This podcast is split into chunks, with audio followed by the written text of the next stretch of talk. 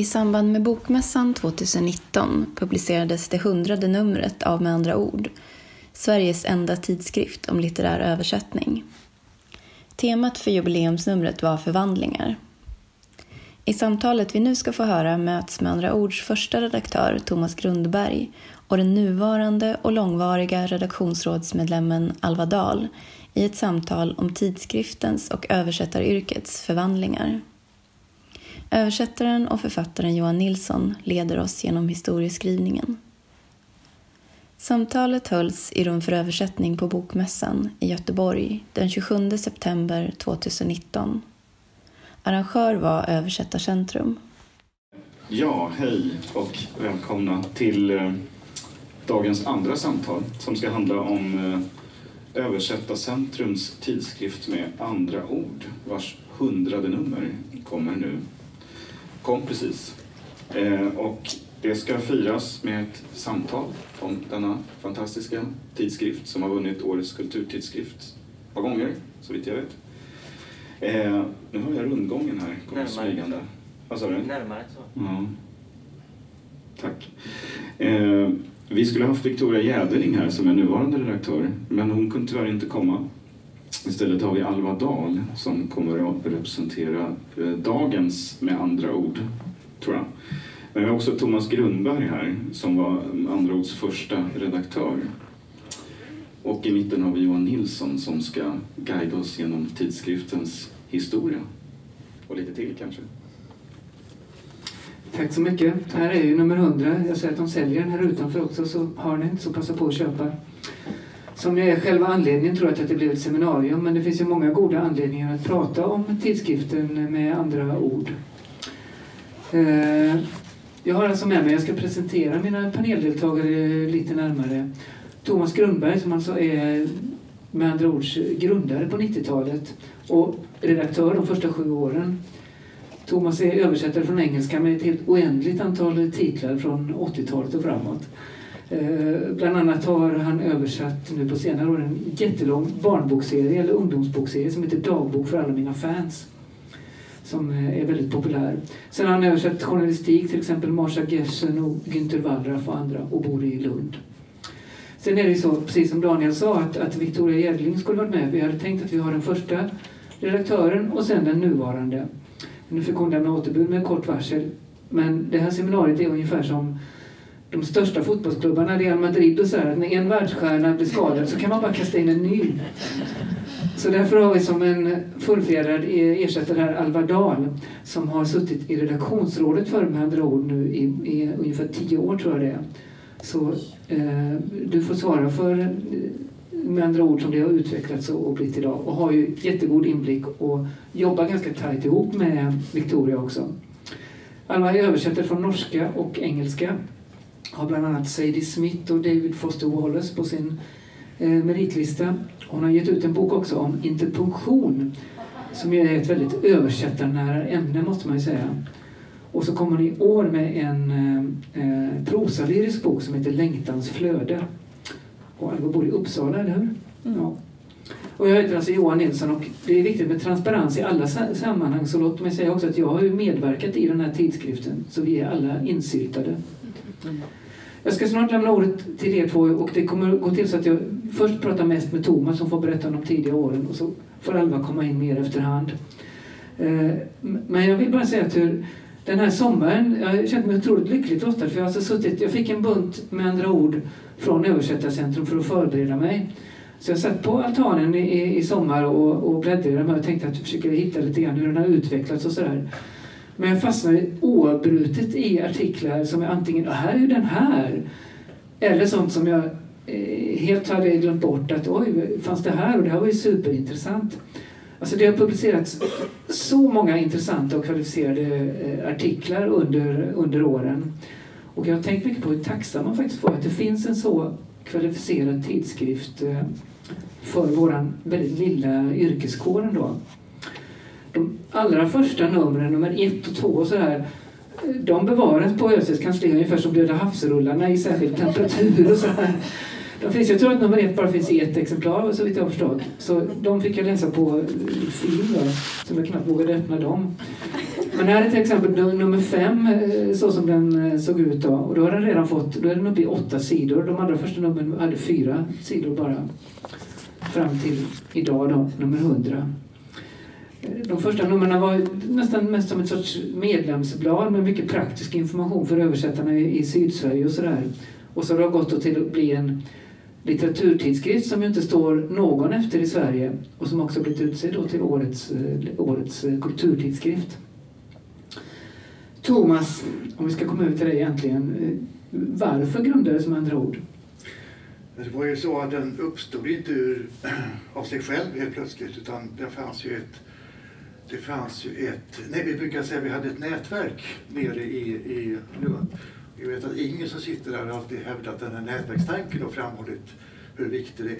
Det var alltså ett, ett gäng, ja, ett gäng översättare kan man säga, eh, vi var väl kanske ett 60-tal och alla eh, ska säga, drog åt samma håll och insåg att man kunde göra, man hade glädje av att arbeta tillsammans och göra saker tillsammans. Och det vi gjorde då, förutom att vi träffades, vi hade ett stambord som fortfarande existerar sedan ungefär 1985.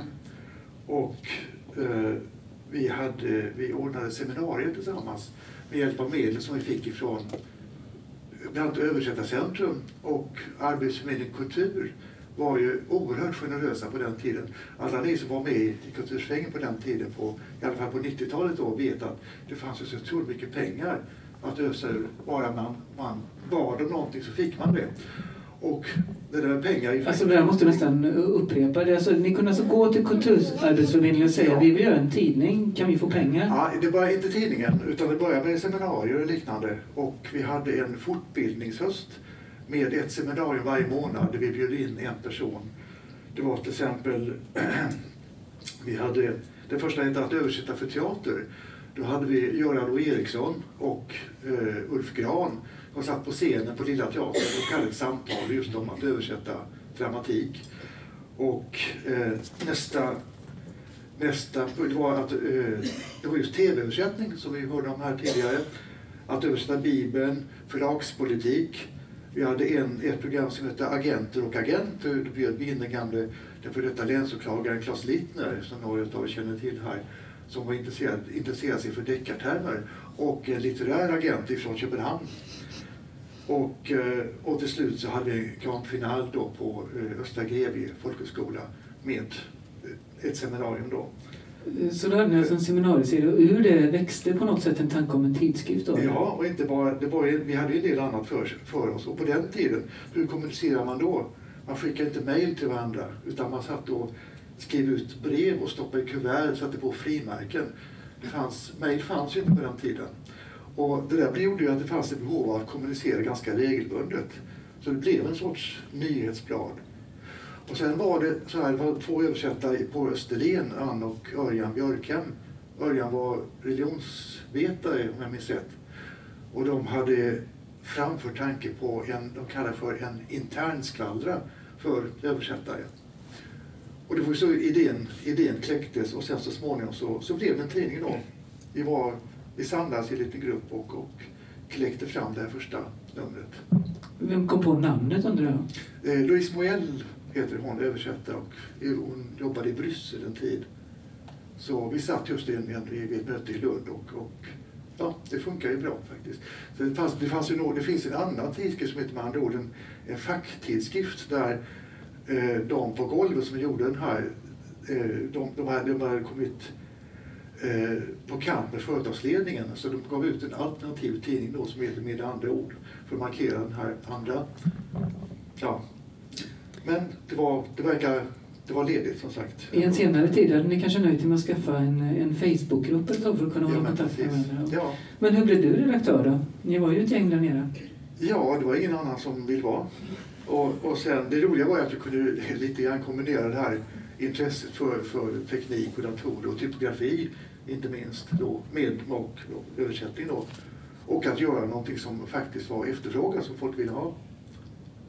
Jag tänkte säga det, vid den tiden så var ju kunskap, du kunde ett program som heter PageMaker som har gjort tidning. Alltså kulturvärlden de var ju nästan en sorts makthavare i kulturvärlden, de som faktiskt kunde använda datorerna på ett konstruktivt sätt på den tiden. Makthavare är kanske fel ord, men de, de blev väldigt viktiga. Mm. Och det kunde du. Ja, jo, precis. PageMaker, för er som inte vet om det, var, det var föregångaren till InDesign som man använder nu för tiden. När man gör böcker och tidskrifter. Och hur tänkte du, hur tänkte du när du gjorde de första numren? Vad ville, vad ville du göra liksom? Ja, bra fråga. Det, det, det vet jag inte riktigt. Men vi hade ju... Eh, jag kommer inte ihåg vad, vi, vad, det står i första... Det finns någon sorts programförklaring i första numret som jag inte kommer ihåg just nu. Men, men tanken var ju att ha, att ha någonting som samlar ihop det här nätverket, som höll ihop dem. Och, ehm, och att, att eh, vissa som, ville, som var skrivande, skrivande översättare skulle få publicera sina texter. Mm.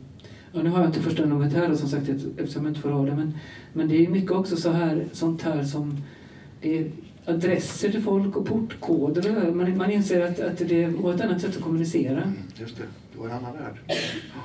En annan tid.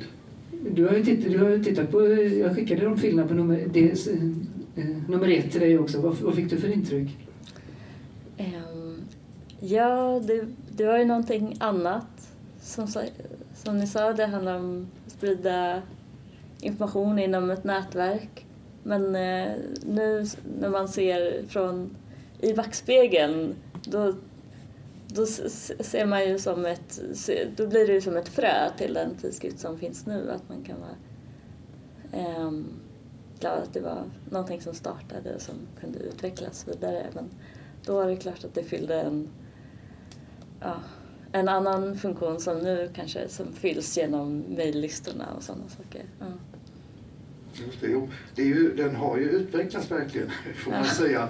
Det var ju, som du säger, det var lite ett, en, ett medlemsblad nästan och det är väldigt mycket referenser till personer då som vi träffades hemma hos och så. Så det var väldigt internt på ett sätt.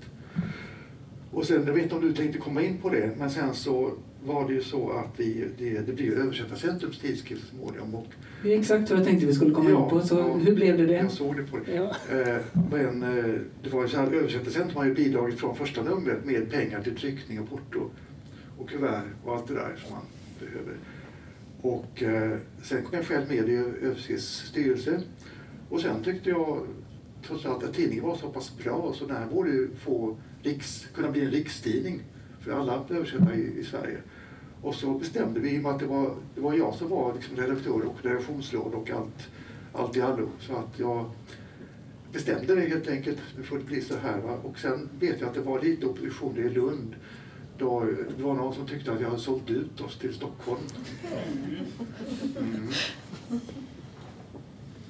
Ja, Jag ska, säga det, det är väl i de här första numren som är som en sorts föreningstidning. Det finns alltid någon typ av artikel som är intressant eh, för mig idag. Eller då, en översättare reflekterar över någon del av yrket. Så redan från början fanns det en typ av artiklar som det kom mer av senare. Mm. Eh, och sen, då, då, då, blev, då blev med andra ord formellt Översättarcentrums tidning. Ja. Och du fortsatte att vara redaktör Mm och fick kanske lite bättre resurser då eller? Ja, till, de, för de sista rummen så fick jag till och med betalt, ett arvode för att göra den här tidningen då.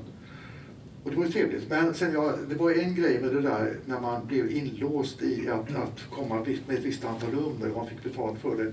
det var, jag kände det var inte riktigt min grej. Jag blev försenad ofta. De kom ut för sent. Och sen bestämde sig ÖCs styrelse då för att byta redaktör. Och det blir lite, lite känsloladdat om man säger så. Jag tyckte det var lite tråkigt. Men jag inser efter att det var nog bäst som skedde. Men sen blir det absolut det blir en väldigt markant brott mellan de här båda. Den här A4-tidskriften i, i svartvitt och med illustrationer i också då och då. Till den här nästan enbart textbaserade tidskriften och med en, en helt annan, eh, ett helt annat innehåll egentligen. I, i slutet säger du fick du ett litet arvode men kunde du någonsin arvodera några skribenter? det har nog aldrig hänt så vitt jag kan minnas. Eh, Idag om ni inte vet det så är det en halvtidstjänst att vara redaktör för med andra ord så det är ju också eh, en förklaring till att tidningen har kunnat utvecklas. För du gjorde det förstås eh, ideellt. Ändå under de sju åren som du är redaktör så händer ju väldigt mycket det, det, det är ju inte längre, eh, eh, som du säger, ni var 60-70 stycken i, i Skåne och, eller Sydsverige. Det är ju en tidning för en rikstäckande förening och som börjar ha den här typen av eh, artiklar som, som, som kommer mer senare. Vad, vad skulle du säga om utvecklingen så? Eh, ja, det, det, det, det har ju fått, alltså antalet potentiella skribenter har ju ökat och så finns det större underlag som man kan plocka ifrån. Vi hade ju inte bara kontakt med, med de som fanns i Sydsverige. Hur, hur, kom det in bidrag på den tiden eller, eller, eller, fick du söka upp skribenter? Eller? Jag fick söka upp dem, eh, men sen var det också detta vårt fantastiska nätverk, att vi kom in förslag hela tiden. Vi har ju till exempel John Tate som jag vet att Inger var kom med som förslag. Eh, den här engelska översättaren som, som kom som 16-åring till Sverige 1939, lite olyckligt år och fastnade i, Sverige och inte kunde komma hem förrän 1942. Men på den tiden hade hon lärt sig svenska och det var så hon började översätta från svenska till engelska när hon var tillbaka i, i England. Och hon gjorde väldigt mycket i eh, P.C. Jersild, som inte kan kallas för P.C. Jersild i England. För att han, han får heta P, eller Per Jersild, eftersom PC betyder ju Police det blir ju en helt annan grej. Och Sara Lidman. Och eh, ja, hon har flera. Ingmar Bergman. Hon har ganska många på sitt samvete. Och eh, jag bad, jag tror det var jag, jag eller ja, i, hon blev ombedd i alla fall att skriva om sig själv som översättare. Och det är ganska roliga artiklar tycker jag. Mm. Eh, fram till 2000 då var Thomas eh, redaktör. Eh, sen kom Niklas Darke in under ett år ungefär. Sen 2001 tog Lisa Mossfeldt över och var redaktör för tidskriften fram till 2005. När hon skulle vara barnledig då kom Victoria Jäderling in och täckte det vikariatet. Victoria hade varit kritiker och förlags, förlagsredaktör och lite annat. Och jag har förstås pratat med henne inför det här seminariet och hon sa att hon tänkte då att det verkar vara ett schysst vik som hon behövde just då. Hon hade aldrig tänkt att hon skulle... Hon visste inte mycket om tidskriften och hon tänkte att det är bra, det var, om det nu var ett halvår eller vad det var. Men nu 2019 är hon ju fortfarande kvar. För när Lisa, ja, Lisa bestämde sig så småningom för att flytta från Stockholm och eh, inte, inte fortsätta som redaktör. Och då blev det Victoria som fick ta över. Så från 2006 är det hon som, som är eh, tidningsredaktör. Och när jag pratade med Victoria och frågade lite grann hur hon tänkte, precis som jag frågade dig. Eh, så, det är ganska intressant. Det finns ju många olika sätt att sköta en tidning och många olika bra sätt. Men ett bra sätt är som jag märker när jag pratar med Victoria att hon har en väldigt tydlig linje och vet vad hon vill. Även om hon inte gillar den linjen så är det alltid bra med, med tydlighet. Och när jag frågade Victoria om hur, hur, du ville att, hur du ville utveckla tidningen och vad du ville att den skulle vara så sa hon att, ja förresten nu säger jag tidning, det är typiskt mig, men hon säger bara tidskrift, hon skulle aldrig säga tidning. Men hon sa så här, att det ska vara en litteraturtidskrift. Det vill jag, det skulle bli en litteraturtidskrift. Jag citerar henne här nu. Den ska vara strängt till för litterära översättare. Det ska vara deras plats och ge deras perspektiv på litteratur. Tidskriften ska inte ha material om översättarcentrum och inget fackligt material. Utan det ska vara en plats för litteratur ur, ur översättarens synvinkel. Då. Eh, och så plus en del saker om yrkets eh, omständigheter och frågan om synliggörande om, om översättaren. Eh, och sen kommer det några riktigt fina citat om att otidsenlighet det är ett honnörsord för mig. Och att det är viktigt att tidningen är nördig. Sen Alva har Victoria också berättat att när hon hade varit redaktör ett tag så började du höra av dig till henne med lite olika artikelidéer och du skrev en del idéer och du ringde och du intervjuade henne i något sammanhang. Och, uh, du nästlade dig in på olika sätt som hon beskrev det och till slut så tänkte hon att det är nog lika bra att den här kvinnan får vara med i redaktionsrådet. Uh, är det en korrekt beskrivning? Jo, men det är det nog. Jag blev nog väldigt förälskad i med andra ord. Uh, jag tror att det började med att jag läste en artikel av Niklas Nilsson eh, som handlar om att skriva för de döda. Och mm, jag, det, då förstod jag att det här är en tidskrift som verkligen tar litteraturen på allvar där man inte pratar om översättning och litteratur som eh, liksom ett ekonomiskt problem eller någonting utan som något livsviktigt och eh, allvarligt. Och, och sen så just det här att det är en så textbaserad tidskrift som du sa att det är en, den är, ja den är ju ändå ganska liten fortfarande.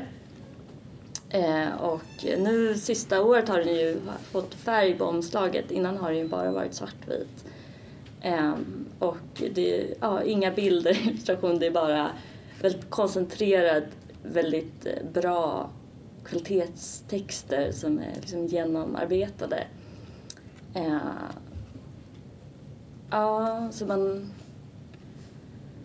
man hinner läsa varje nummer räcker och som du sa, när man går igenom, tittar tillbaka så finns det så många bra texter som har publicerats under åren. Jag hade någon jag hade eh, liksom en dröm inför det här jubileet att eh, det skulle vara publicerat någon antologi med så här bästa med andra ord.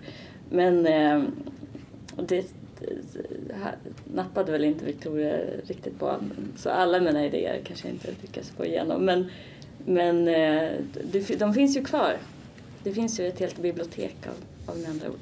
Jo, men så sen eh, var det väl också så att jag tyckte om att skriva men jag hade inte riktigt något forum eller något sammanhang eller någonstans. Eh, jag var liksom väldigt oetablerad men i, med andra ord så fick jag skriva.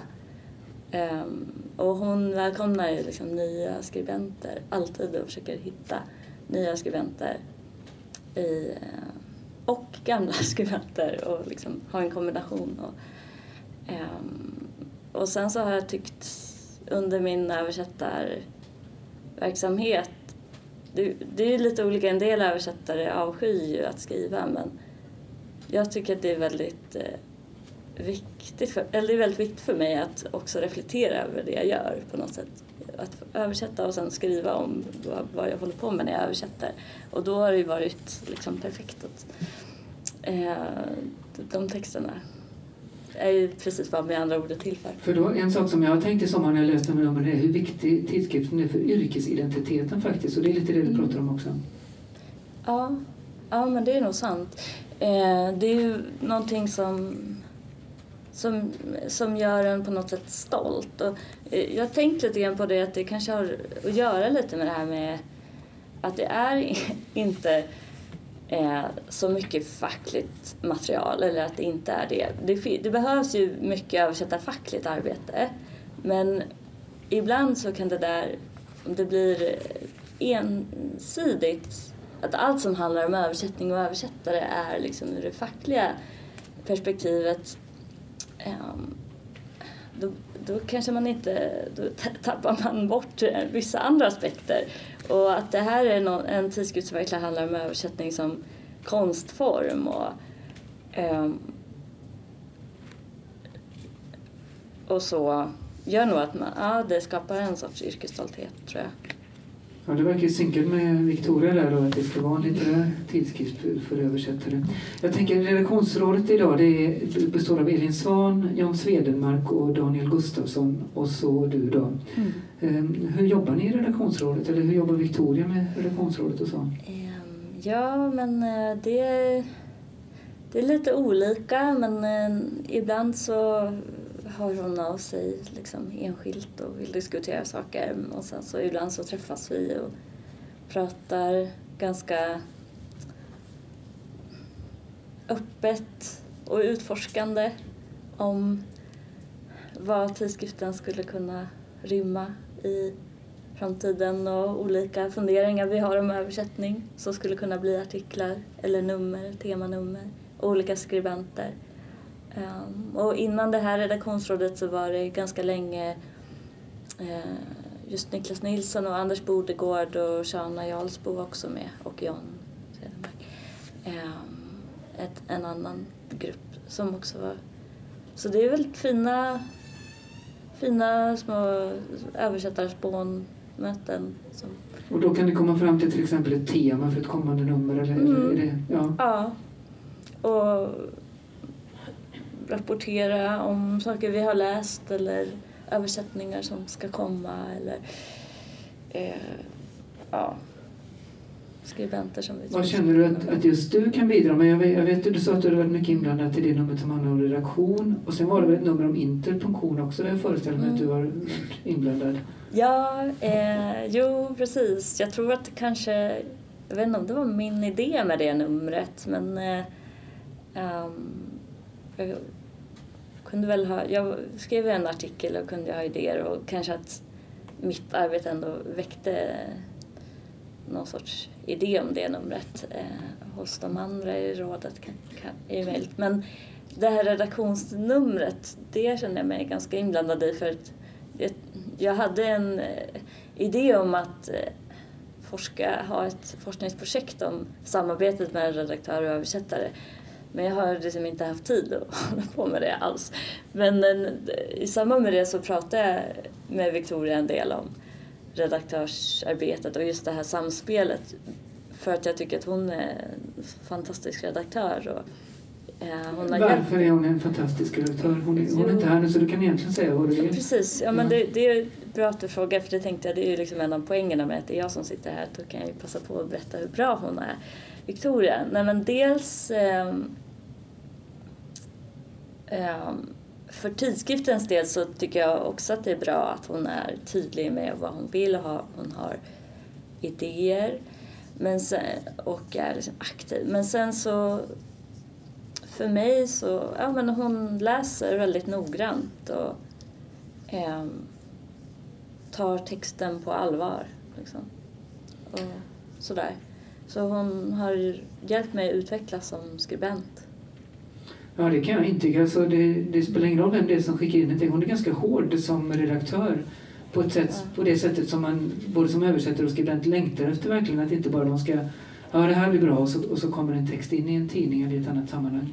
Men, men just redaktörsnumret då, där är jag inte alls inblandad egentligen förutom att jag istället för att liksom själv göra det här projektet så kunde jag liksom ösa mina idéer till Victoria och olika saker, så, folk som kunde skriva och sådär. Och så, så blir det ett tidskriftsnummer istället så, så behövde jag, så kan jag släppa det där. Så det var ju väldigt bra. Om jag ska ställa en sista fråga om, om just, Victoria är ju frånvarande som sagt, men har det någon betydelse att hon inte är översättare själv? Är det, är det bra eller är det dåligt eller har det någon betydelse? Ja, det, det kan väl vara både och. Eh, det, det är ju klart att det har betydelse, tror jag. Ehm, hon, eh, och ibland så en del översättare är ju, hör ju av sig och, och, och, och klagar lite och tycker kanske att det borde vara närmare översättarens vardag ibland och att det kan bli för teoretiskt eller så. Ehm, så, men så hennes liksom bakgrund som kritiker påverkar ju såklart numret. Och det är ju, ja men det är ju, jag tycker nog det är mest positivt. Det har ju också gjort kanske att den just in, blir mindre intern och eh, att andra som inte är översättare också får, får eh, upptäcka tidskriften och ge- genom det också upptäcka litterär översättning. Mm. Det tror jag är ganska viktigt faktiskt, att det är någon som, som kan se det lite grann utifrån. Mm. Och jag tänkte fråga dig allmänt, Thomas, du, så, jag frågade Alva vad hon tyckte om de första numren. Vad, vad, när du har följt din bebis här som har växt upp, vad, vad har du tyckt om tidningen de senaste åren? Eh, Den har ju, den har ju sagt blivit helt annorlunda jämfört med då de här första numren i alla fall. Och, eh, eh, jag- tycker det har varit en bra utveckling. En, en del, ja det är ju som med allt, en, jag inte, all, allting kan man inte tycka om. Men det har ju funnits ett par nummer som jag bara tänkt att wow, det här är ju fantastiskt. Och att se då den, den tidning som man började en gång för länge sedan, var det 1900, vad skrev jag, 93? 93 har jag skrivit också. Just det, kom det första, första numret.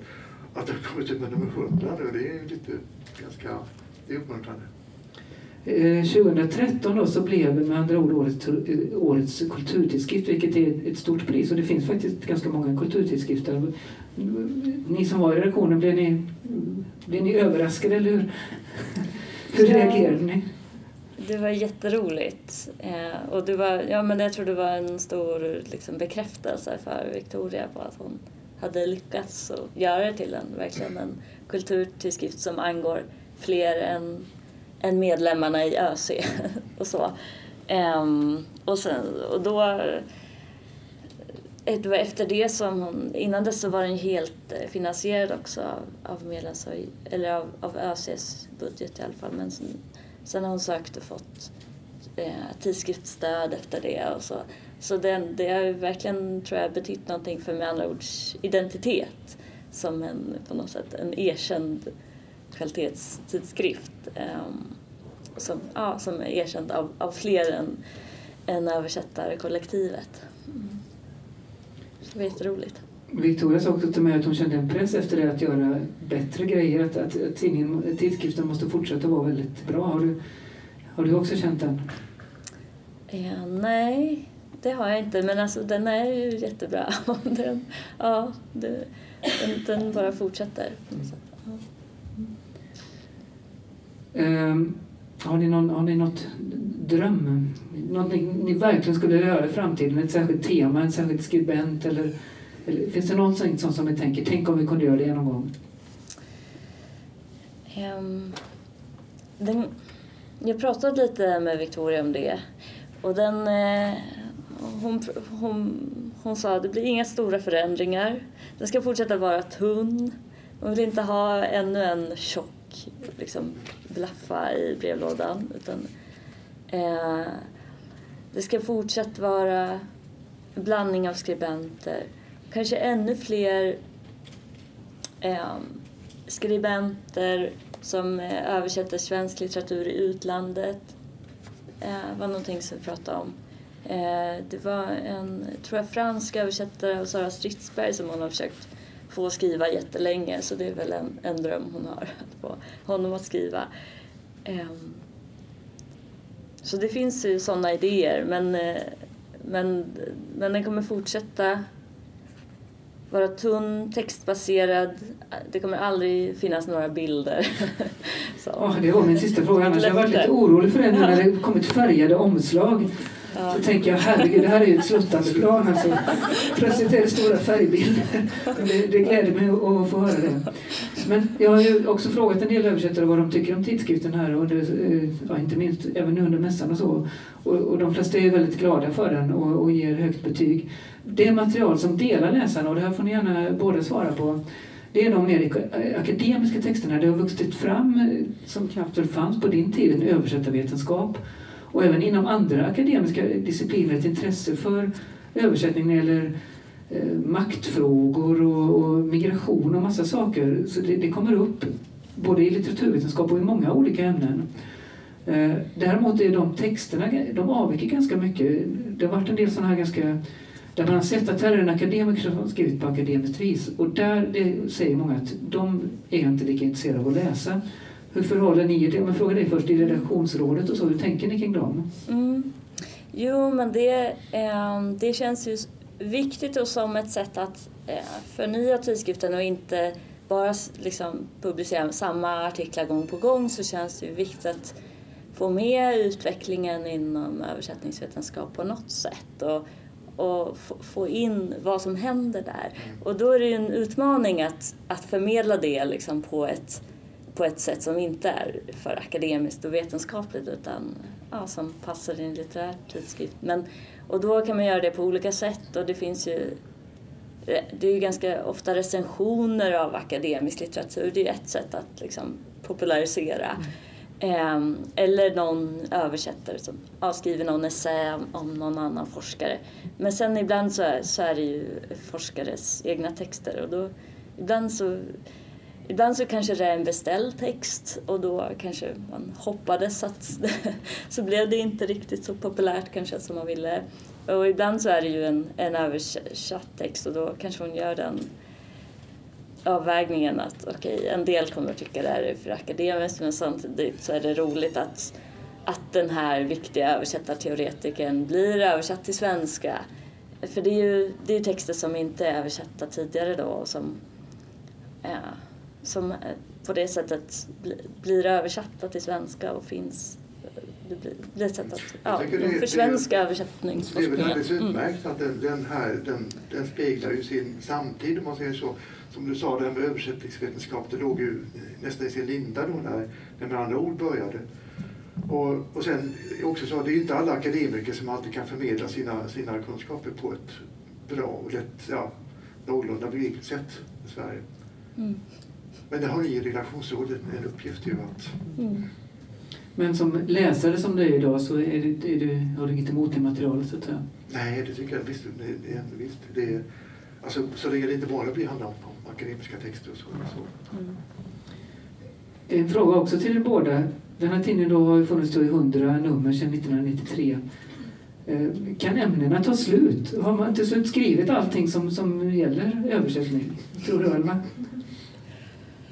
Ehm, alltså, det borde ju vara en befängd fråga, eller varför skulle man kunna göra det? Eller det, det finns ju så mycket litteratur, eller det är ju som att, som att man skulle kunna säga allting om litteratur.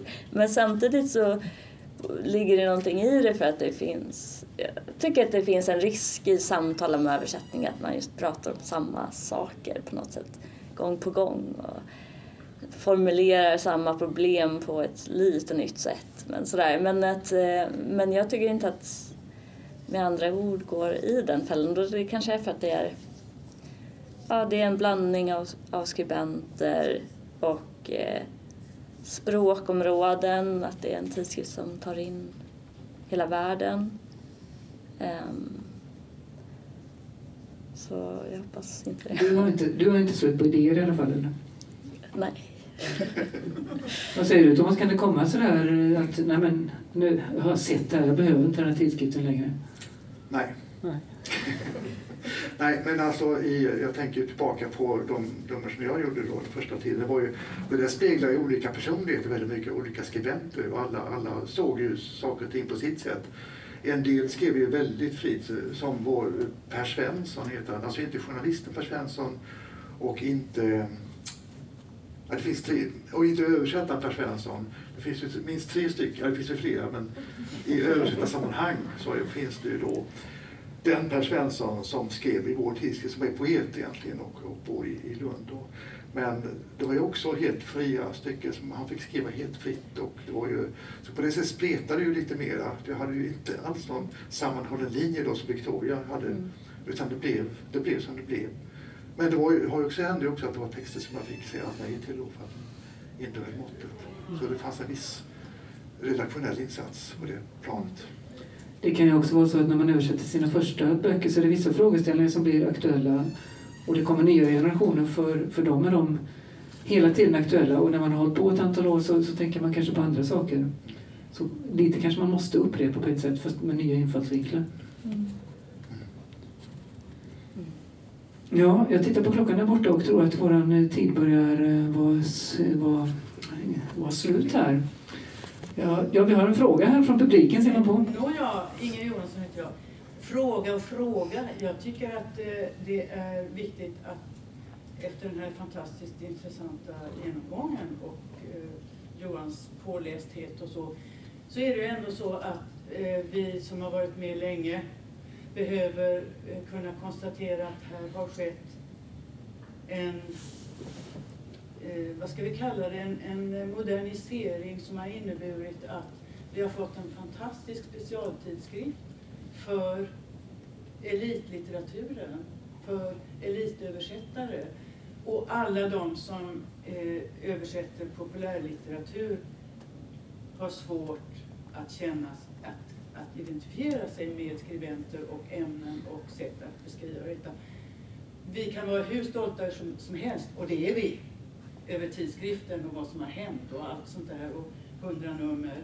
Men vi kan inte eh, förneka att vi har förlorat någonting också.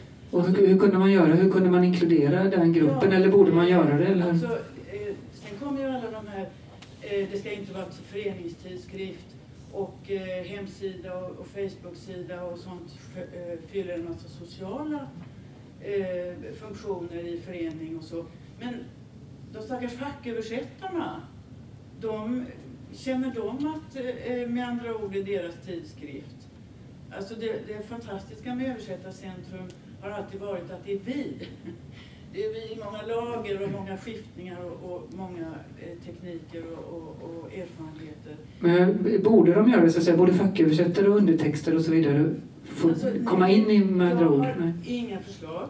Utan jag, för mig handlar det om, eh, eh, vad ska man säga, eh, självrannsakan eller var, var finns de övergivna eh, populärlitteraturöversättarna som, som verkligen tycker att det här är elitism? Alltså de kan älska det i alla fall, men de, de har svårt att känna sig kollegiala tror jag. Vi kan låta Alva ge, ge ett snabbt svar här. Ja, jag, jag känner inte riktigt igen att populärlitteraturen inte finns med i med andra ord. Det tycker jag den gör. Men däremot så gör den kanske inte det i den proportion som, som eh, om man tittar på den översatta litteraturen. Så, I siffror så är, ju kanske, så är den kanske underrepresenterad. Men, uh, men jag tycker den finns med och att Uh, men det är ju det kan man ju leta i. Jag tycker också det är intressant att skriva mer om, om, om översättning av populärlitteratur. Mm. Ja, alltså självklart så, eh, så är ett, ett viktigt påpekande detta med akademiska utvecklingen och, och allt vad det har inneburit. Därför att vilket forum skulle den utvecklingen annars ha? Det här är ju verkligen eh, det som eh, nu är ett enormt fundament för allt möjligt.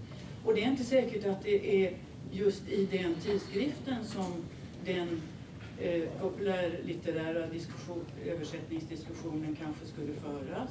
Det är inte det jag är ute efter. Och, eh, man kan tycka olika om sättet att skriva om, om eh, översättning. Men, men om man har artikelidéer som handlar om populärlitterär översättning så tror jag verkligen att de är jättevälkomna och att Victoria jättegärna tar emot dem. Så det är bara att höra av sig. Då får det bli sista ordet, Alva. Så tack till Alva Dahl och eh, Thomas eh, Grundberg och eh, tack till publiken.